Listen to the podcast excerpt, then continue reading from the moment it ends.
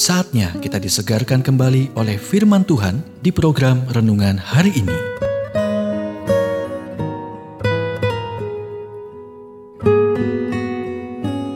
Renungan hari ini berjudul Kepemimpinan yang Baik.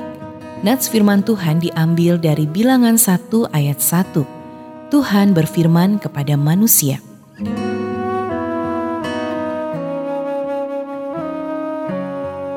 Seorang pemimpin yang baik adalah seperti kapten kapal yang baik. Mereka merencanakan seluruh perjalanan dalam pikiran mereka sebelum mereka meninggalkan pelabuhan. Mereka memiliki visi yang jelas tentang tujuan mereka. Mereka memahami apa yang diperlukan untuk sampai ke sana. Mereka tahu siapa yang harus ikut dalam perjalanan agar berhasil, dan mereka mengenali rintangan jauh sebelum mereka muncul di cakrawala. Dan karena mereka mempersiapkan diri dengan baik, pemimpin yang baik dapat membawa orang-orangnya ke mana saja. Musa adalah seorang pemimpin seperti itu. Dia menghabiskan 40 hari berdoa dan berpuasa di gunung.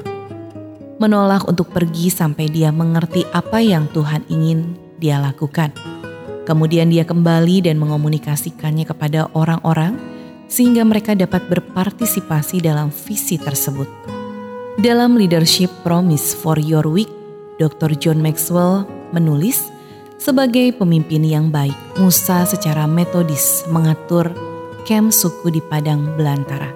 Bilangan 2 ayat 34. Kita akan melakukannya dengan baik untuk mengatur seperti yang dia lakukan.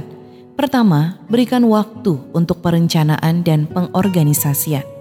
Tentukan atau tulis tujuan nomor satu Anda. Kedua, Pahami posisi Anda sebelum mencoba mengembangkan strategi. Ketiga, prioritaskan kebutuhan dan tujuan tim dengan mengajukan pertanyaan yang tepat. Keempat, tulis tujuan yang realistis, terukur, dan meyakinkan.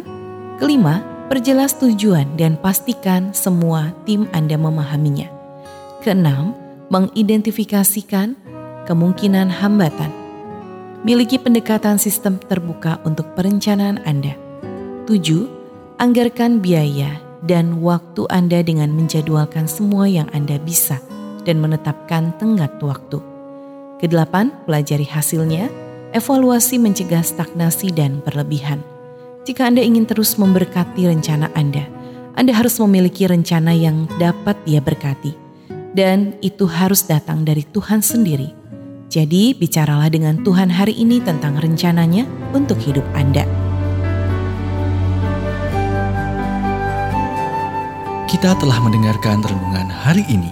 Kiranya renungan hari ini terus mengarahkan kita mendekat kepada Sang Juru Selamat, serta menjadikan kita bertumbuh dan berakar di dalam Kristus. Renungan hari ini tersedia dalam bentuk buku maupun digital dan bisa Anda miliki dengan menghubungi Japri di WhatsApp 0812 8784 7210 atau email ke infoapripusat@gmail.com. Tuhan memberkati.